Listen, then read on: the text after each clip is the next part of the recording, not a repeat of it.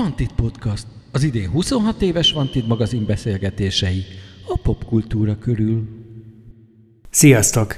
Ez itt a Vantit Podcast, amelynek mai adásában dr. Máriással fogunk beszélgetni.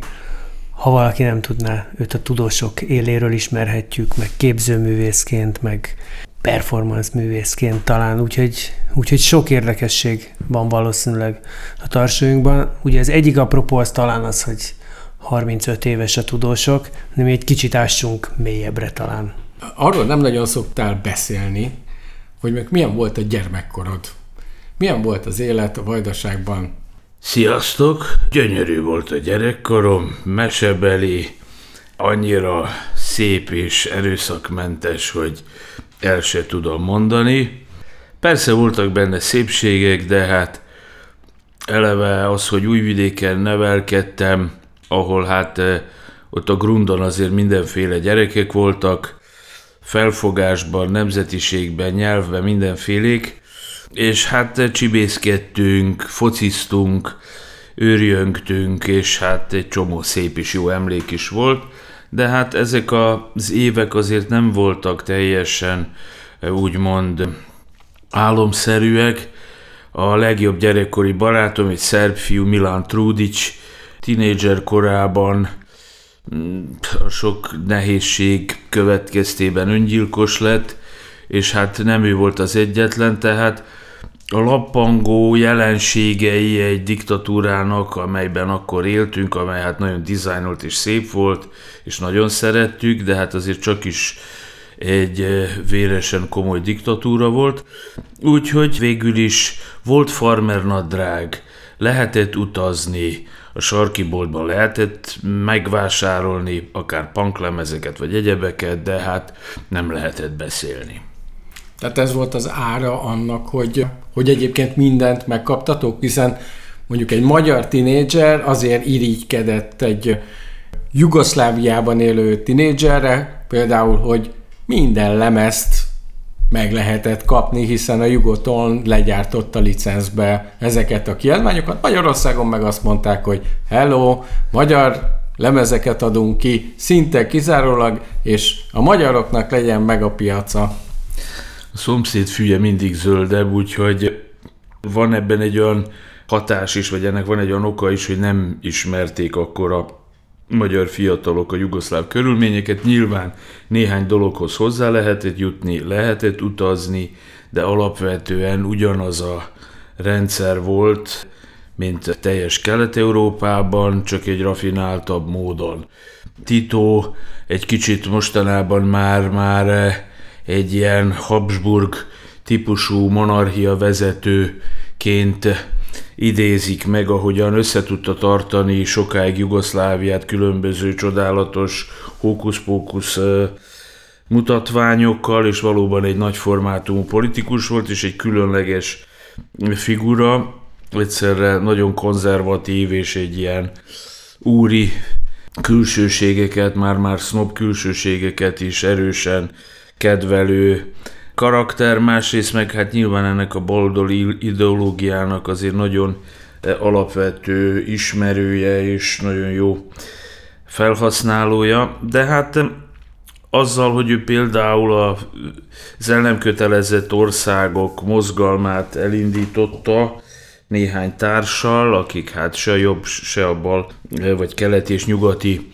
blokkhoz nem tartoztak, és létrehoztak egy harmadik közösséget, amelynek hát nem volt nyilván akkor a hatékonyság a gazdasági értelemben, mint a, mint a nyugatinak vagy a keletinek, viszont politikai súlya volt, és érdekes volt egy harmadik világhoz tartozni Egyiptommal és Indiával, de a lényeg az, hogy miközben nyilván Belgrádban, Újvidéken, Ljubljanában, Zágrában volt egy erős underground széna, és hatalmas ajándék, hogy mi ezeket a lemezeket, könyveket, a beat generáció legnagyobb íróinak a könyveit, a filozófiai, szociológiai kiadványokat, buddhista kiadványokat, hogy tulajdonképpen mindent megvásárolhattunk a környezetünkben, ez egy hatalmas előny volt, és én nem akarom ezt beárnyékolni azzal, hogy esetleg szigorúságban éltünk, de hát nagyon szigorúságban éltünk, úgyhogy ez a kett csak azt talán nem látszódott kívülről. Ti milyennek láttátok, vagy néztétek egyáltalán, hogy mondjuk mi van Magyarországon? Te Magyarországról mi nekünk voltak információink, jöttünk, mentünk olykor, lemezeket kaptunk, jöttek Magyarországról fellépők, így mit tudom én, gyerekkoromban már voltam LGT koncerten, és így tovább, de valahogy igazából az volt számunkra első nagy reveláció, amikor a bizottság első lemezét meghallgattuk, mert az annyira kilógott abból a mainstream kultúrából, amely végül is a magyar szintéren is illeszkedett azért a nyugati kultúrához, változó minőségben volt, ami kiváló volt, volt, ami kicsit együgyűbb, de a, a bizottság lemez tényleg egy frenetikus reveláció volt, valami teljesen más. És ez valahol a 80-as évek elején volt, és akkor eldöntöttük, hogy mi ezeket az embereket felkeressük. És akkor Badával eljöttünk Szentendre, és felkerestük Felugosi Lacát, és hát akkor először csak kóstolgattuk a Napóleon konyakot, amit hoztunk, meg a helyi borokat, és így tovább. Kikötöttünk a, Mi más? a Noémi eh, hajóbárban, ahol a Laca éjjel eh, tiltakozott, hogy miért nem tüntették fel a lakcímét a számlán, mert így nem fog hazaérni. Tehát elkezdtünk barátkozni a szentendrei művészekkel, a bizottságos és más nagyon izgalmas arcokkal, és tulajdonképpen ők jelentettek egy hidat számunkra a magyar kultúra felé, tehát ők álltak igazából így hullámhozban a legközelebb hozzánk, és akkor később innen szövődtek a barátságok, elkezdtünk kiállítani a Vajdalajos stúdióban, fellépni Szentendrén, Pesten, Miskolcon és egyéb eh, festői helyeken, és hát valahol ott a 80-as évek második felétől mi már rendszeresen léptünk fel a Tilosozában, Fekete lyukban, Holdban, FMK-ban és a hasonló helyeken. Akkor az eleje az ennek mondjuk a tini koratoknak a, a vége, tehát egy elég fogékony szakasz.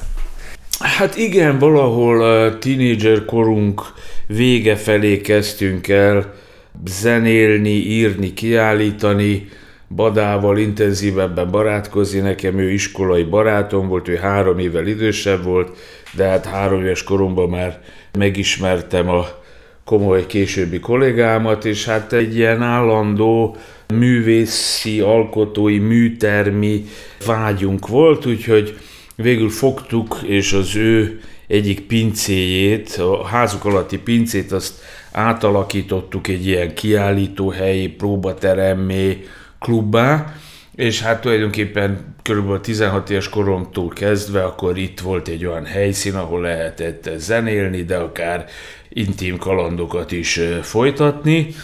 Ugyanitt és ebben a kontextusban alakult meg később a Tudósok Zenekar, annak következtében, hogy 86-ban leszereltem a nagyszerű jugoszláv néphadseregben töltött 15 hónap után, és akkor azt mondtam, hogy hát most valami nagyon durvát kéne kitalálni, mert hát ez, ami, ami van, meg ami lesz, hát hogy ez, ez azért nem egy nyugati, mondjuk nyugatias szimforok, vagy, vagy keringő, hanem valami brutális, és akkor Összegyűjtöttem a városban a legfurcsább figurákat, leg, egyén, legkülönösebb egyéniségeket, és belőlük alakult a zenekar. A Badával együtt, meg két-három szerb zenésszel, és akkor hát ez egy ilyen ösztönösen improvizált, katartikus punk volt, vagy valami hasonló, és hát körülbelül így alakult meg ez a zenekar, és hát amelyiknek későbbiek során sok fázisa volt. Úgy emlékszem, hogy 87-ben az egyetemi színpadon ti már játszottatok, csak akkor Dr. Zsivágó néven, az lehetséges? Az 86 lehetett, én akkor nem. Mindjárt megmutatom. Ja, ennyire alapos felkészülés Becsari kérdés. Van. Tessék. Azt a december 11-12 Campezzoles Dr. Zsivágó. Gajan útjaják. 180-as csoport, új modern akrobatika. Igen, ekkor én nem voltam a formációval, ez egy másik formáció volt. Badadada, Rádgéber Laci és néhány újvidéki zenész. Én akkor valamiért nem tudtam jönni, úgyhogy ezen a fellépésen nem vettem részt, de hát később, meg előtte másokon viszont igen. És a fellépők is elég szépen lefedik a korabeli magyar undergroundnak azon szeletét, amely egyszerre foglalkozott zenével, képzőművészettel, irodalommal, performanszokat adtak elő, stb. stb. Nem véletlen, hogy a fesztiválnak a neve Díszszemle, nagy valószínűség ez Károsi Endre szervezhette, aki a korszak egyik kulcsúrája volt, mint hangköltészeti előadó. Ezzel azt akarom mondani, hogy egy elég jól működő szcénába csöppentetek bele. Abszolút, tehát ez a kísérletező műfaj, amely igazából egyfajta határterület, irodalom, kísérleti zene, performance, képzőmészet és így tovább. Nekünk ez valahogy egy ilyen már-már az elfogadott helyi tradíciónak a nyelve volt. Talán azért, mert ilyen kisebb közösségbe voltunk, vajdasági újvidéki magyarok, ezért mindenki több mindennel foglalkozott, és kipróbálta magát mindenfélében. Ladikati például színésznő, költőnő, fotós, képzőművész, és így tovább, királyernő, népzenekutató, hangszerépítő, és így tovább sorolhatnám. Úgyhogy mi ehhez csatlakoztunk, ehhez a tradícióhoz bizonyos értelemben. Én például előbb zenéltem, később kezdtem el festeni, a Bad előbb festett, később kezdett el zenélni, és hát a környezetünkben még sokan. És igazából minket mindig valamilyen absztrakt igazság keresése érdekelt, és nem pedig a szórakoztatás, és ebben voltunk tulajdonképpen valahogy művész értelmiségiek, még a szónak egy bizonyos anarcholázadó értelmében vagy rétegében is, tehát nem kimondottan jazzzenészek, nem kimondottan kortárs kísérleti zenészek, nem kimondottan filozófikus költők, hanem mindez egyszerre mindennek a határterületén egy ilyen globális életkísérletnek a Gesamt Kunstwertjeként, amelynek a végén hát az ember vagy megőrül, és öngyilkos lesz, vagy, vagy hát nem tudom, vagy valahogy megnyugszik. De lényeg az, hogy igen, voltak ilyen átjárások, tehát én ezekkel a művészekkel gyerekkorom óta találkoztam, Vladik Katival szerintem öt éves koromban hallottam első koncertjét, és így tovább. Tehát nagyon jelen volt a mi hétköznapi életünkben az, hogy hogy ez az avantgárd kultúra, ez, ez egy olyan eszköz, ami egyfajta lehetőséget is ad arra, hogy az ember feldolgozza azt az abszurd világot, amelyikben él, és hát ehhez ragaszkodtunk is, meg ez egy ilyen szelepet jelentett, hogy ezáltal így túlélhessünk, és, és, és kimutathassuk a mi felfogásunkat a világról, legyen az akár naív, akár dadaista, akár abstrakt, vagy nagyon expresszív, vagy mindezeknek valamilyen érdekes egyvelege. Ez a fajta nyelvezet, vagy gondolkodási forma és attitűd, ez mennyire vihető tovább úgy, hogy nem csak mondjuk egy generáció érti, hanem mondjuk az azt követők is? Azt is talán belefűzve, hogy azért ugye a, a közgondolkozás merre felé mozdult el ez idő alatt. Tehát amit mondtál, hogy mondjuk a populáris kultúra az nyilván más volt, mint ez, na de most már, a, tehát az akkori populáris kultúra az most már majd, hogy nem progresszívnek tűnik. Tehát van két áramlat alapvetően, amikor ránézek erre a plakátra, és egy super best of listát látok, hogy ez a mai világban, mai korban lehet, lehetséges volna egy bármi hasonló, nehezen tudom elképzelni, de csak-csak. Egyrészt a, a politika és így a társadalmi feszültségek szerintem nem, hogy nem oldódtak, hanem sokkal keményebbeké váltak, viszont másrészt sokkal könnyebb bizonyos információkhoz jutni, zenéket megtalálni, tehát van lehetőség arra, hogy ha valakit érdekel valami, akkor kapcsolatba lépjen mindenféle dolgokkal, ami persze önmagában nem elég, mert kell a közösség, kell az, hogy egymást támogatva az emberek keressenek, fölfedezzenek, megszeressenek dolgokat, ami a közös identitásukat kifejezi, de én úgy gondolom, hogy 35 éves zenekarral, ami hát önmagában egy dadaista szám, tehát kés csoda, hogy biológiailag is már ez egy siker, hogy még életbe vagyunk. Másrészt nagyon friss a zenekar, mert továbbra is őrültek vagyunk, és ezt nem bármilyen racionális okból csináljuk, hanem azért, mert ösztönösen szeretjük, és ettől érezzük jó magunkat.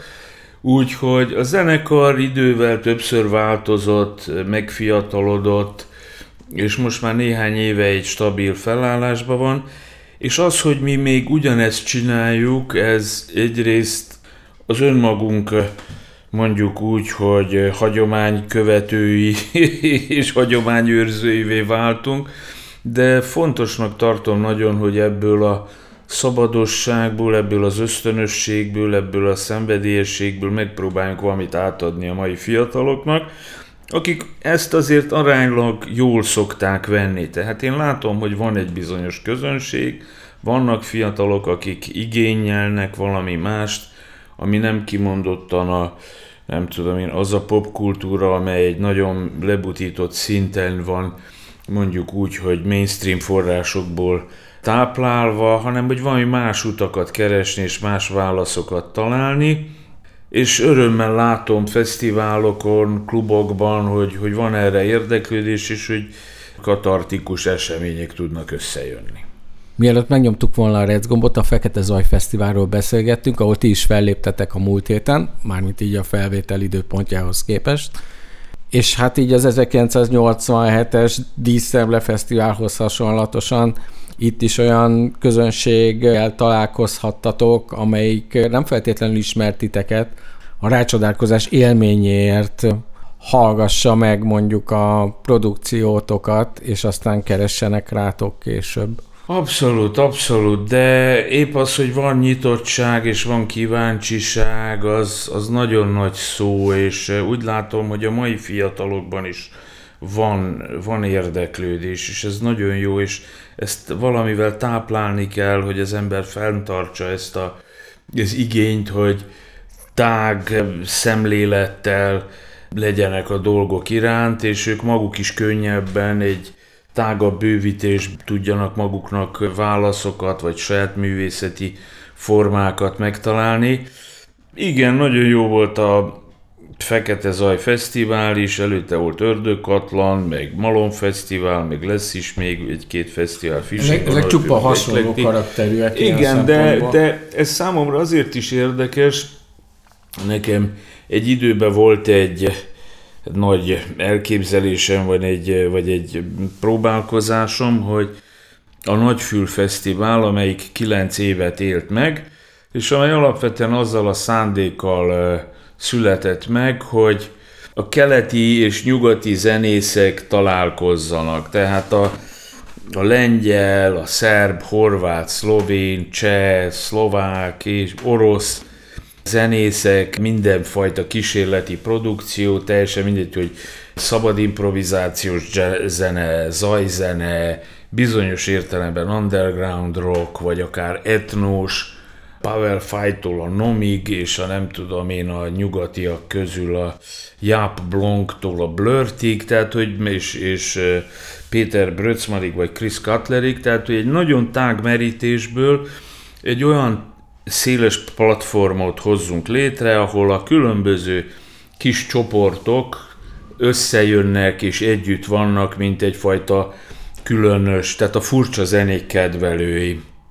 És akkor elég sokáig ez jól működött, és amikor egy kicsit nagyobbá válhatott volna, akkor meg hát eh, tulajdonképpen a politika bizonyos értelemben ellehetetlenítette, és hát egy fokon túl már nem lehetett próbálkozni, nem volt rá keret, úgyhogy ez abba maradt ez a fesztivál, de én ezekben a mai fesztiválokban, egykori fesztivál szervezőként látom azt a sok-sok küzdelmet, látom azt a sok odafigyelést, azt a sok aggódást, azt a sok odaadást, amit belefektetnek, hogy egy olyan rendezvénybe, mint amilyen ez például a Fekete Zaj Fesztivál, hogy ott percre pontosan, nagyon jó minőségben, műsorban, hangzásban, szervezésben megvalósulhasson egy ilyen rendezvény, és minél értelmesebb legyen az az együtt eltörtött idő, minél több jó minőségű információt, zenét,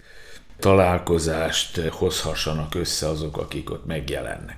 Itt most többször érintettük is a nyugat kérdését, és hát ugye amikor mi felnőttünk, akkor azért most, hogy ez Jugoszlávia vagy Magyarország, de ugye mi a szocialista rendszerből, azért a nyugat az egy ilyen nagyon csillogó valaminek tűnt.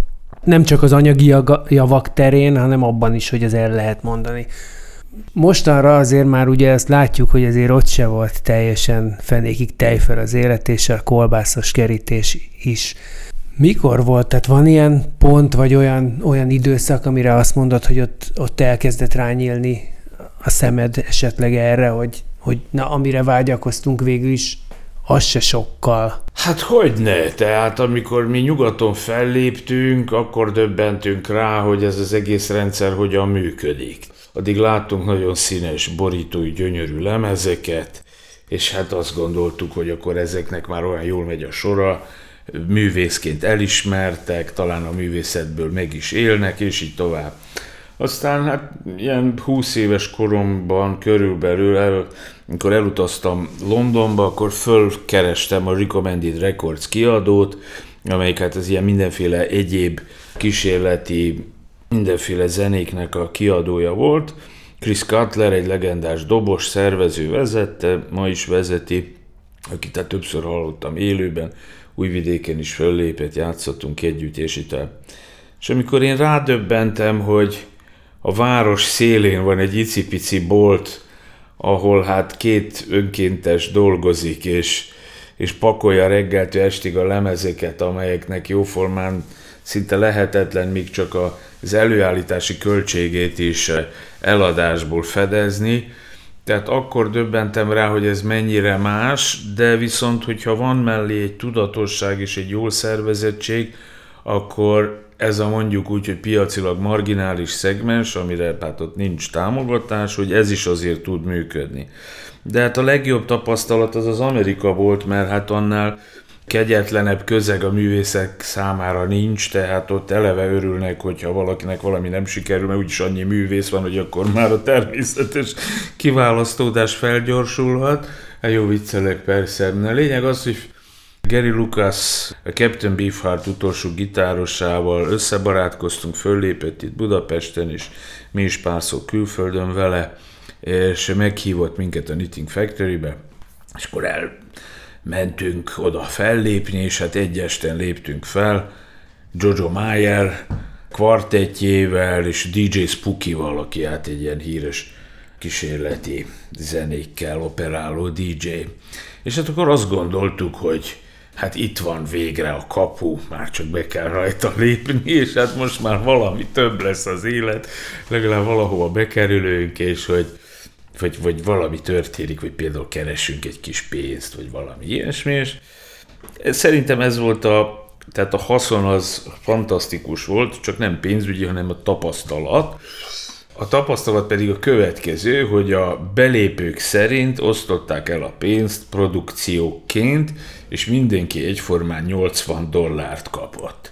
Na most, hogyha belegondolunk, hogy csak oda jutni még egy New Yorkinak is szinte többe kerül, nem pedig Svájcból, Jojo Mayernek, vagy nekünk Magyarországról, és így tovább. Tehát, hogy hogy vannak a művészetnek bizonyos eszmei értékei, és olyan helyszínei, amelyek nem a pénzről szólnak, hanem egyfajta szintről, egyfajta templomai bizonyos értelemben a kultúrának, ahogy például Harlemben az Apollo Theater, vagy koncerthelyszín, amelyik mondjuk a jazznek és alapvetően a fekete zenészeknek egy ilyen próba helyszíne, aki ott egyszer beválik, akkor ő az onnantól kezdve egy elfogadott, elismert zenész lesz, legyen az James Brown, vagy Michael Jackson, vagy Charlie Parker, és itt viszont tulajdonképpen a kísérleti zenében, ha egyszer valaki ott fellépéshez jut, akkor tulajdonképpen azt mondhatja, hogy ő egy elismert zenész, tehát hogy olyan, mint hogyha egy komoly díjat kaphatott volna.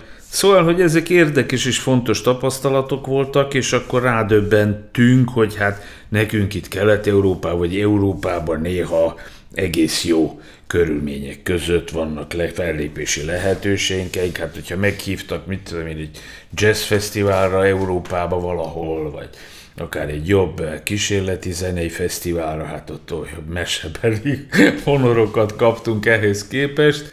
Ilyen szempontból, vagy ilyen fejjel és tapasztalattal sokkal jobban meg tudom érteni, vagy hát jobban látom, vagy tudatában vagyok annak, hogy egy-egy ilyen fesztivál próbálkozás mögött mennyi harc és mennyi munka és küzdelem van, a helyszínért, a lehetőségért, az időpontért, a járvány miatt, a, a többi fesztivállal való versengés miatt, az értetlenség miatt, és így tovább.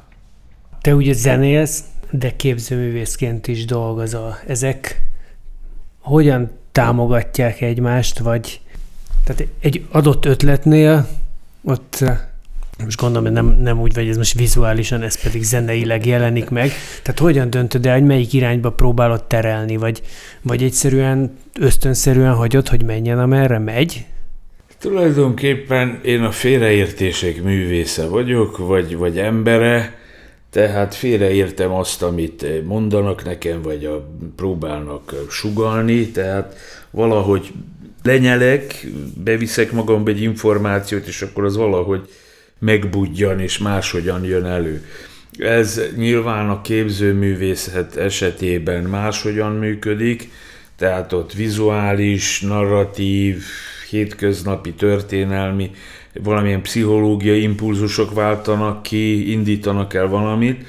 A zenélés pedig hát egyfajta fölszabadulás és egy jó katartikus élmény, ahol a többi zenésszel együtt igazán jó, valahogy felszabadulni, együtt lenni, és újjászületni bizonyos értelemben. Úgyhogy ez két párhuzamos világ, de mind a kettő ki is egészíti bizonyos értelemben egymást, de hát egymástól vesznek el időt, de mind a kettő fontos.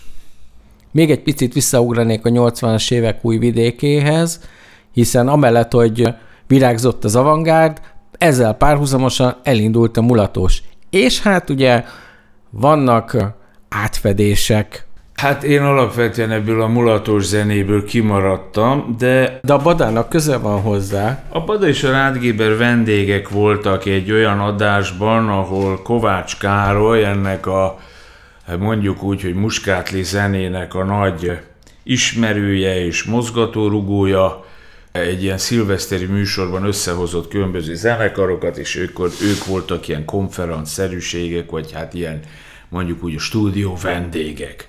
Minden esetre ez a zene, ez egyfajta balkáni tradícióból táplálkozik, ahol hát volt egy ilyen turbo folk nevű zene, ami hát részben táncos, részben közel-keleti elemeket tartalmazott, és hát mondjuk úgy, hogy alapvetően ilyen szerb, bosnyák, macedón és egyéb lakodalmi zenei funkciót töltött be, tehát ilyen táncos buli zene, nevezhetjük ilyen népi diszkónak is.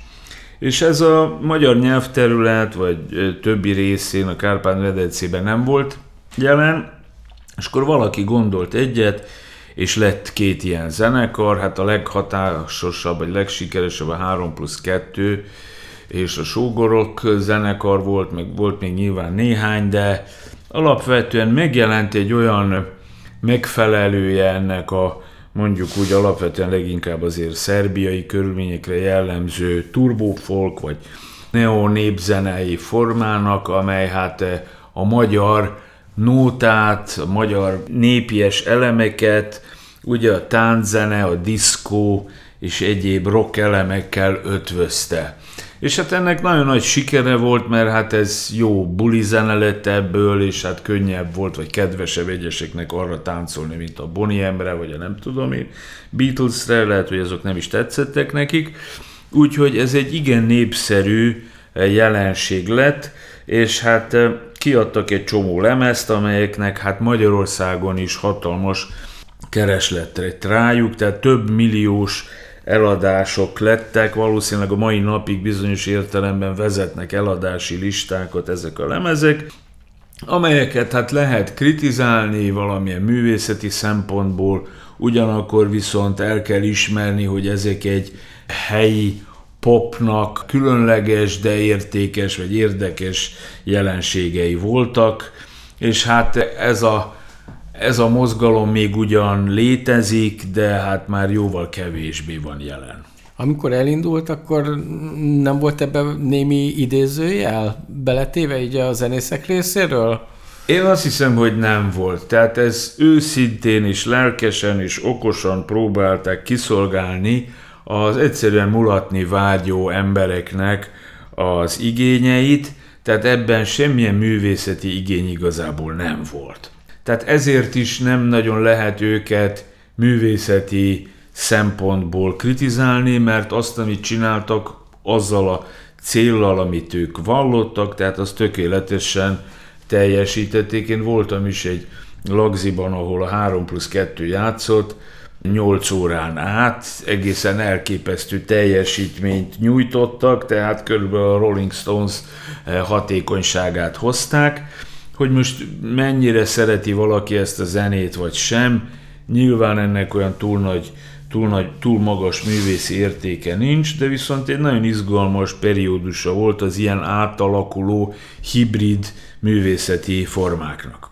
Téged nem kísértett meg esetleg az, hogy mondjuk elhívjanak játszani, és akkor kereshetsz sok pénzt. Nekem például volt olyan basszusgitárosom, hogy hétvégén játszottunk a Fekete lyukban, másik hétvégén meg Lagziban nyomta azért, hogy Horti Miklós katonája vagyok én. Hát nézd, engem az autentikus zenék, autentikus népzenéket én kutattam, tanulmányoztam, tanultam, még tanulmányokat is írtam róla.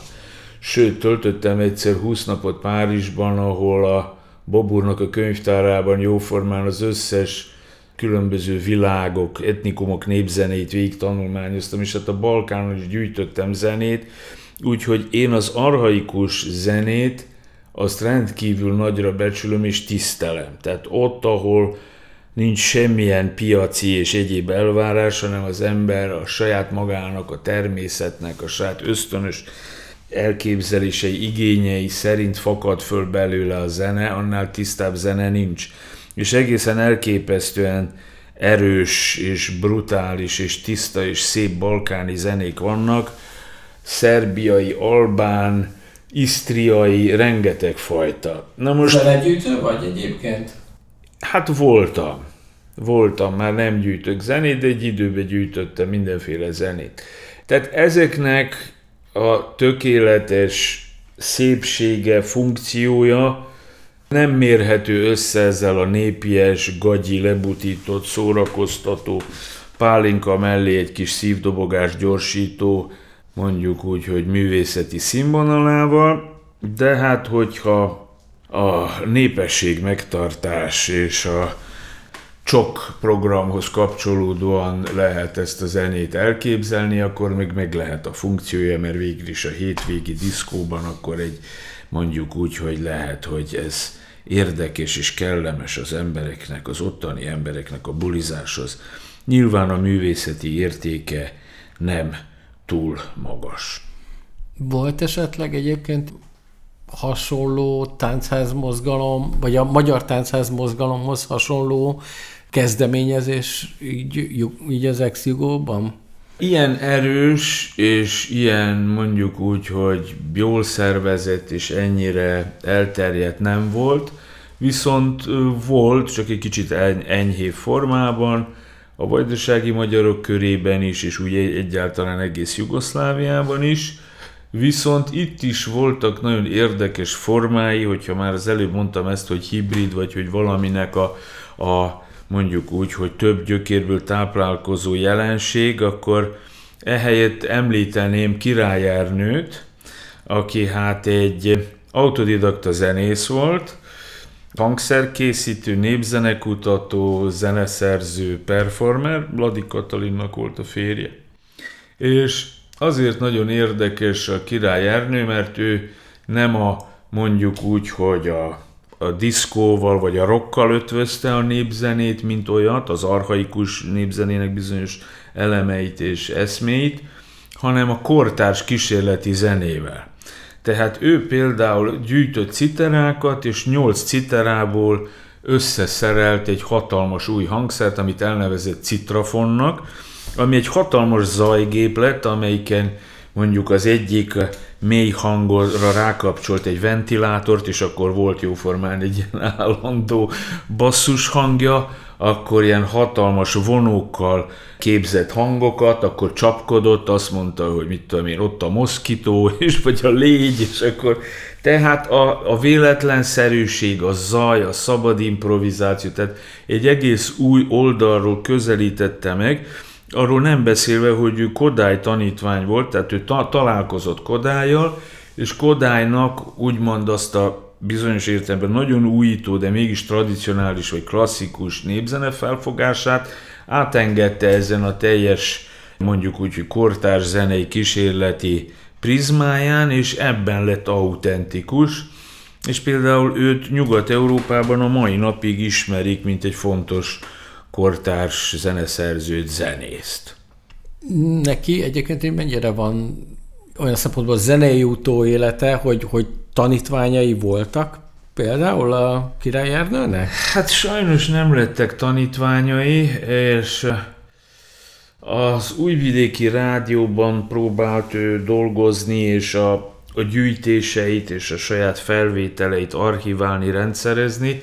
Ebből valamennyi megvan az újvidéki Néprajzi Múzeumban és az újvidéki rádióban, de ott a háború során nagyon sok felvétel elveszett.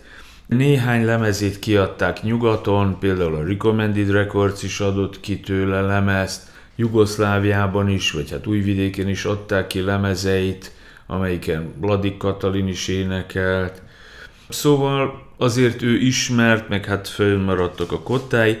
Közvetlen, úgymond tanítványa vagy utódja nincs, ezt a hangszert úgy tudom, hogy ma nem nagyon használja senki. Mi turnéztunk vele, 80 év fölött volt már, és amikor a szlovén barátommal, Marko Breceljel, aki hát az ex-jugoszláv területnek volt egy ilyen legformabontóbb figurája, tehát olyan, mint a bizottság volt az ottani bulldozer, és annak volt az énekese. Uh-huh. És akkor az első turnénkra indultunk olyan, hát azt hiszem 98-ban. És hát beszálltunk mi hárman, akkor három tagú volt a tudósok, a Brecel a feleségével, és hát elmentünk a király Ernő, és hát ő neki fogalma nem volt, hogy ki ez az ember, és hát megjelent a 82 éves király Ernő, tökéletesen megfésülködve, mint hogyha a Zeneakadémiára indult volna előadást tartani, és hát eh, egy hatalmas, két hatalmas ládával, az egyikben a citrafon, a másikban a tablofon, és hát világok ütköztek össze, mert hát a Brecei az underground rock kultúrából kiindulva nem értette, hogy mit keres itt egy idős kortárs zenész. A kortárs zenész nem értette, hogy most mi ez a szakadt busz, bár látott ilyet, mert gyűjtött faluvégi cigányzenét is, és így tovább, tehát abszolút ismerte a nem annyira gazdag kultúrát is vég, akkor a Brecel azt mondta, hogy hát ő nem vállalhat felelősséget, hogy egy ide, ilyen idős ember meghal a turnén, de hát végül jött velünk királyerni, és nagy sikerrel lépett fel anarchista klubokban, underground helyeken, jazzklubokban, és Ausztriában, Németországban és Belgiumban léptünk fel, és Hollandiában. Úgyhogy érdekes volt. Ugye már itt most így említetted a, a délszáv háborút, mint olyat. Nyilván az egész kulturális életet ott feje állította maga a háború. Mi az, ami elveszett belőle? Hát én azt hiszem, hogy a, a folytatása vesz, veszett el, és ez egy elég bátor és negatív kijelentés, és remélem, hogy nincs igazam, de ha visszanézek, akkor valamikor ez egy nagyon pesgő, nagyon intenzív, forrong, művészeti értelemben forrongó, működő világ volt, és én azóta figyelem ezeket a közegeket. Szlovéniában nagyon sokat jártunk fellépni, Horvátországba, Szerbiába, ezt csak azért mondom, hogy tehát találkozunk ottani művészekkel, zenészekkel, keressük az újabb tehetségeket, és hát nyilván vannak, de nagyon más jellegűek, nagyon, tehát nem folytatják tulajdonképpen azt a, az erős, radikális, kísérletező művészetet, amely hát addig nagyon is az egész országra valahogy jellemző volt, a, nem tudom, Király Ernőtől a Lajbahig, és a, nevezhetnék még egy csomó mindenféle zenészt, képzőnészt, és így tovább. Tehát azáltal, hogy szétesett ez az ország, megbomlott az identitása is bizonyos értelemben, megszakadtak a kapcsolatok, nagyon sokan, nagyon-nagyon sokan elhagyták az országot, ma már nem is politikai vagy etnikai okok miatt, hanem egyszerűen, mert gazdaságen nem tudnak ott megélni.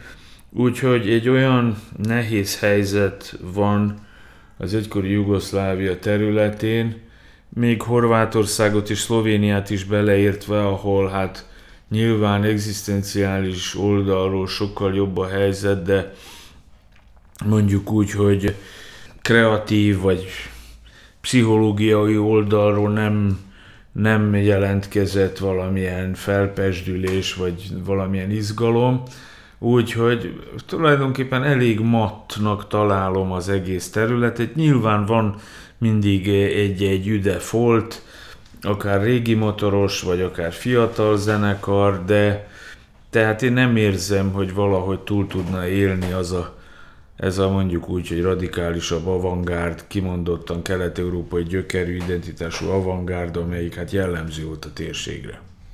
Mennyire találtatok meg magatokat itt Magyarországon? És azért beszélek többes számba, mert hogy a Badával kapra is szeretnék utalni. Tehát, hogy tudta pótolni Magyarország mindazt a pesgést, ami, amit ti megkaptatok korábban?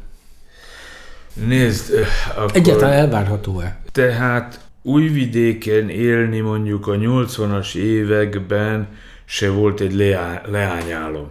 Tehát innen nézve megint kicsit túl romantikus, vagy túl megszépült képet kapunk, amikor elképzeljük, hogy egy városban egymás mellett ennyi művész élt és izgalmas dolgokat csinált. Nagyon sok nehézség volt, nagyon sok értetlenség volt, kevés a közönség, egymás közti rivalizálások, politikai problémák, kiadókkal problémák, a, egy lap elindul, beszüntetik, mert a párt beleszól, és itt tehát nagyon sok nehézség volt.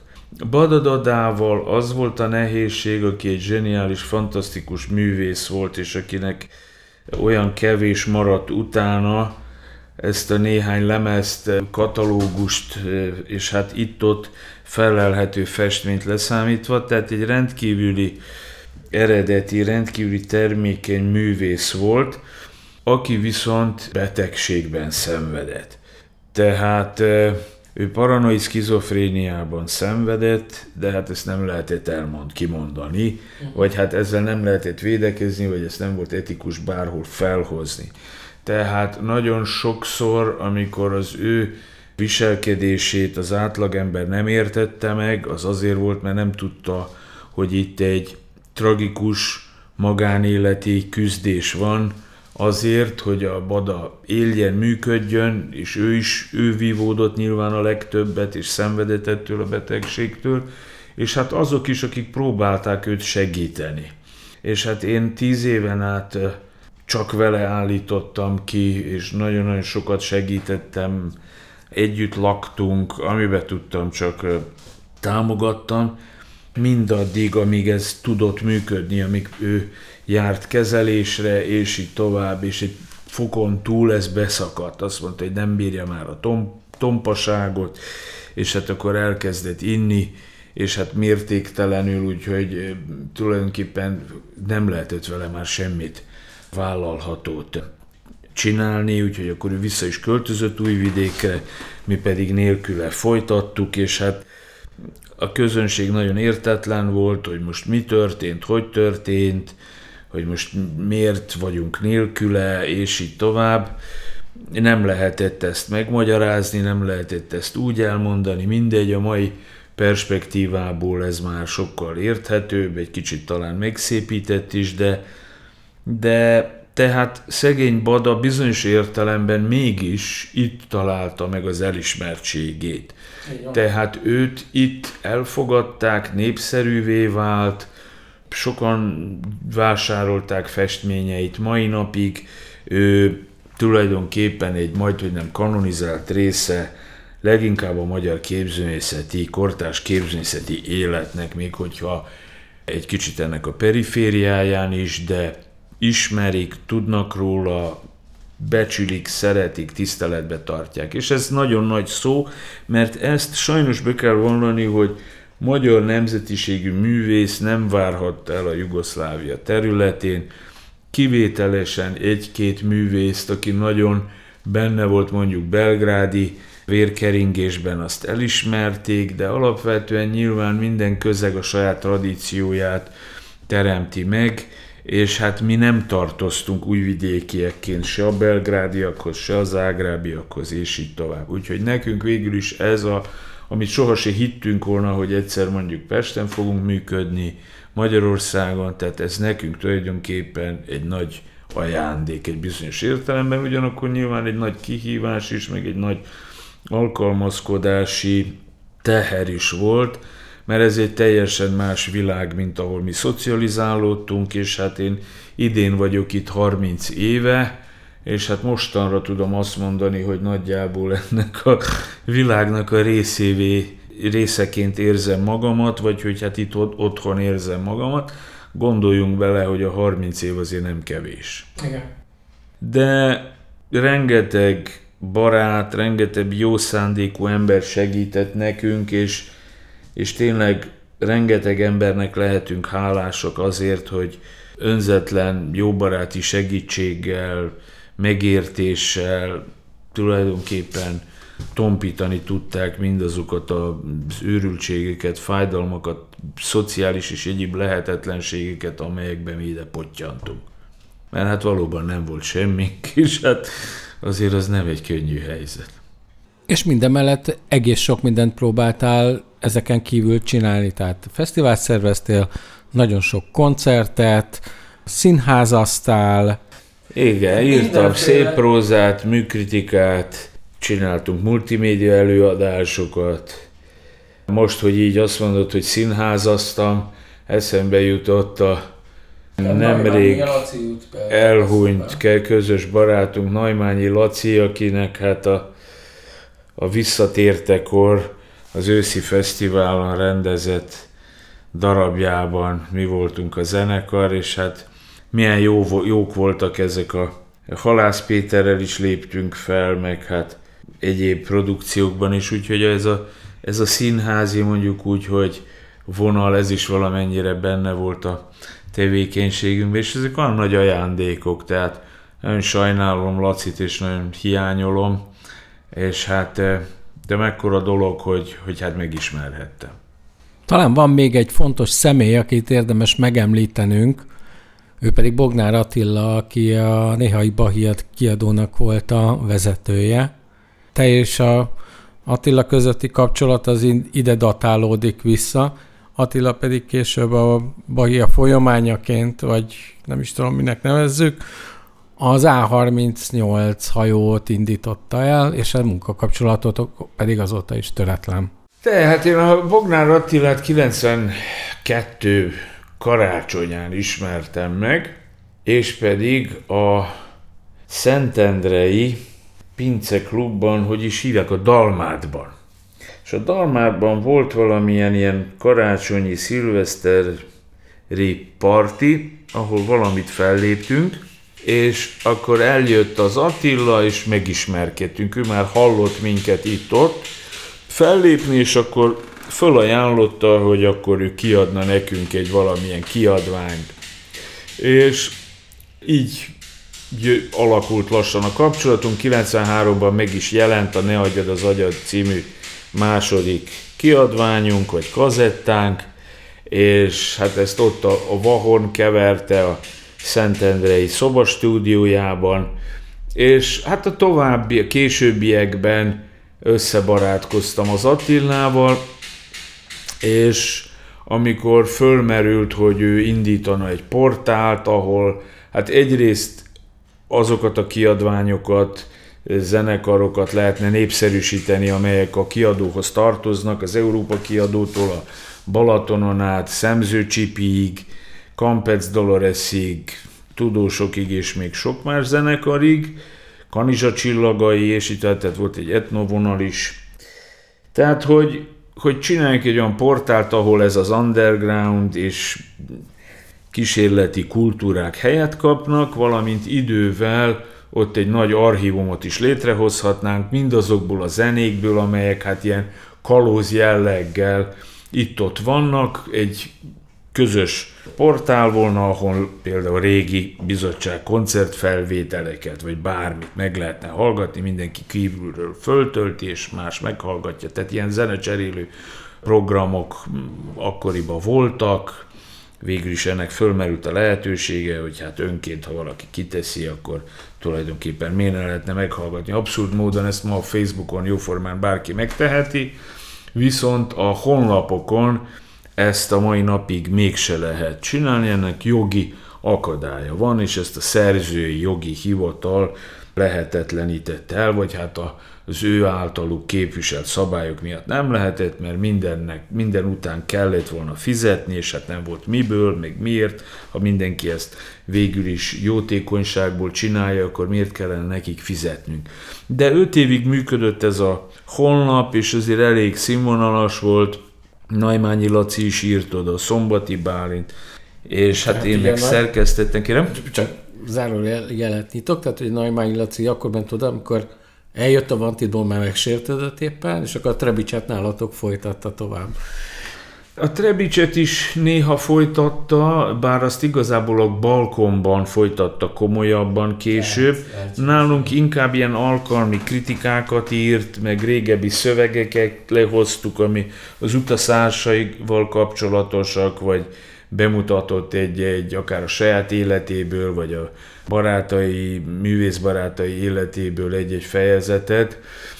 Igen, a Lacival nem volt könnyű, de hát egy fantasztikus tudású zsonglőr volt, és hát tehát néha volt kedve hozzá, és akkor megvillant valamilyen zseniális anyaggal, néha kevésbé, és akkor valamit csak úgy küldött, de ez belefért, mert sok oldalról kaptunk anyagokat, és jól működött ez a műhely jellegű dolog, és amikor szép lassan tulajdonképpen megszűnt a CD kiadás, a CD kereskedelem, akkor Bognár Attila egy útválasztóhoz került, hogy akkor most az ő úgymond bizonyos értelemben kultúra szervezői szerepe az hogyan tudna folytatódni, és akkor egy helyet szeretett volna nyitni, ekkor már a Tilosazát bezárták, fölmerült, hogy a Darsannal együttműködésbe, vagy valahol valami klubot, és hát sokat beszélgettünk erről, én Belgrádban lakván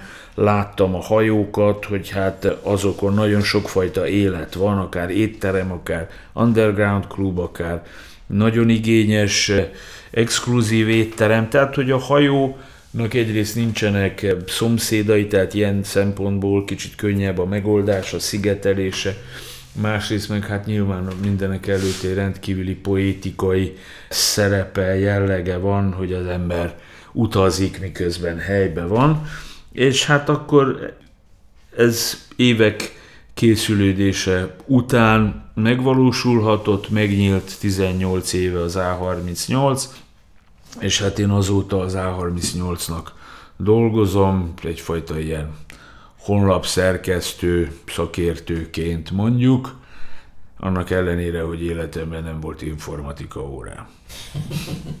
Képzőművészetről még nem igazán beszéltünk, pedig hát az utóbbi években nagyon sokszor kerültél be a média különböző felületeire, sokszor akár még a bulvár sajtóba is, talán azért, mert egyes képeknek olyan politikai stihje van, hogy átmegy, akár még ezen a felületen is.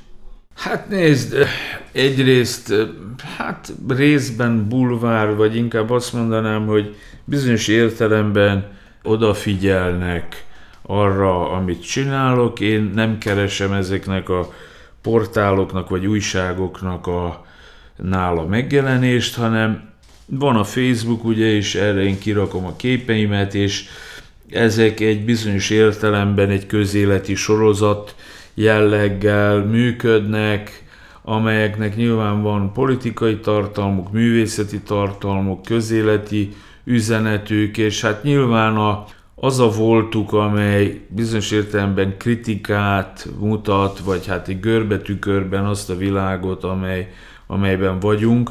Tehát, hogy ez egyfajta külön utassá tette ezt a, ezt a művészeti nyelvet, és hát nagyon örülök, hogyha ez így bizonyos értelemben népszerűvé vált.